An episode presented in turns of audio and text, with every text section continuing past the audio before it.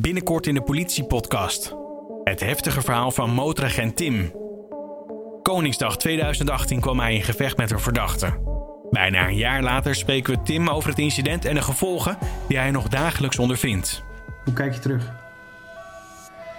Ehm op een rotjaar. Ja. En dat wat je zegt, dat drie, vier minuten. En toch ehm, had ik het niet anders gedaan.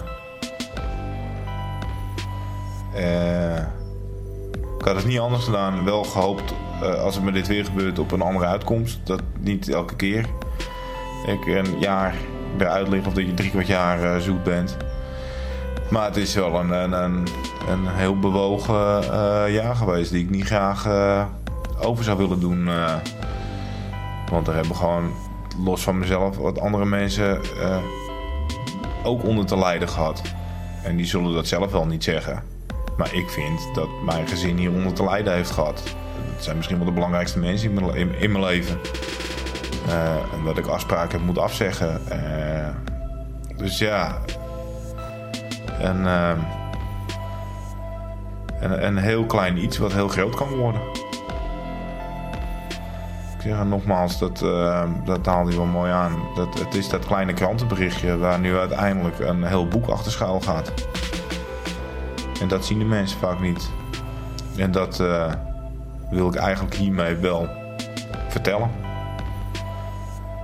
En wie weet, uh, zet het de mensen uh, toch aan tot nadenken. En niet de mensen die gewoon dit verhaal luisteren, want die begrijpen het wel. Maar als ik al één iemand heb die denkt van nou weet je, laat ik maar een taxi bellen. Want misschien heb ik toch net één biertje te veel op. Ik denk dat ik dan al iets bereikt heb met dit verhaal. Want ook dat is een kleine beslissing met ook voor iemand anders grote gevolgen. Zeker als het zo uitpakt. Het verhaal van motoragent Tim. Hoe een gevecht van 3-4 minuten zijn complete leven veranderde. Deze podcast is binnenkort te horen via dit kanaal.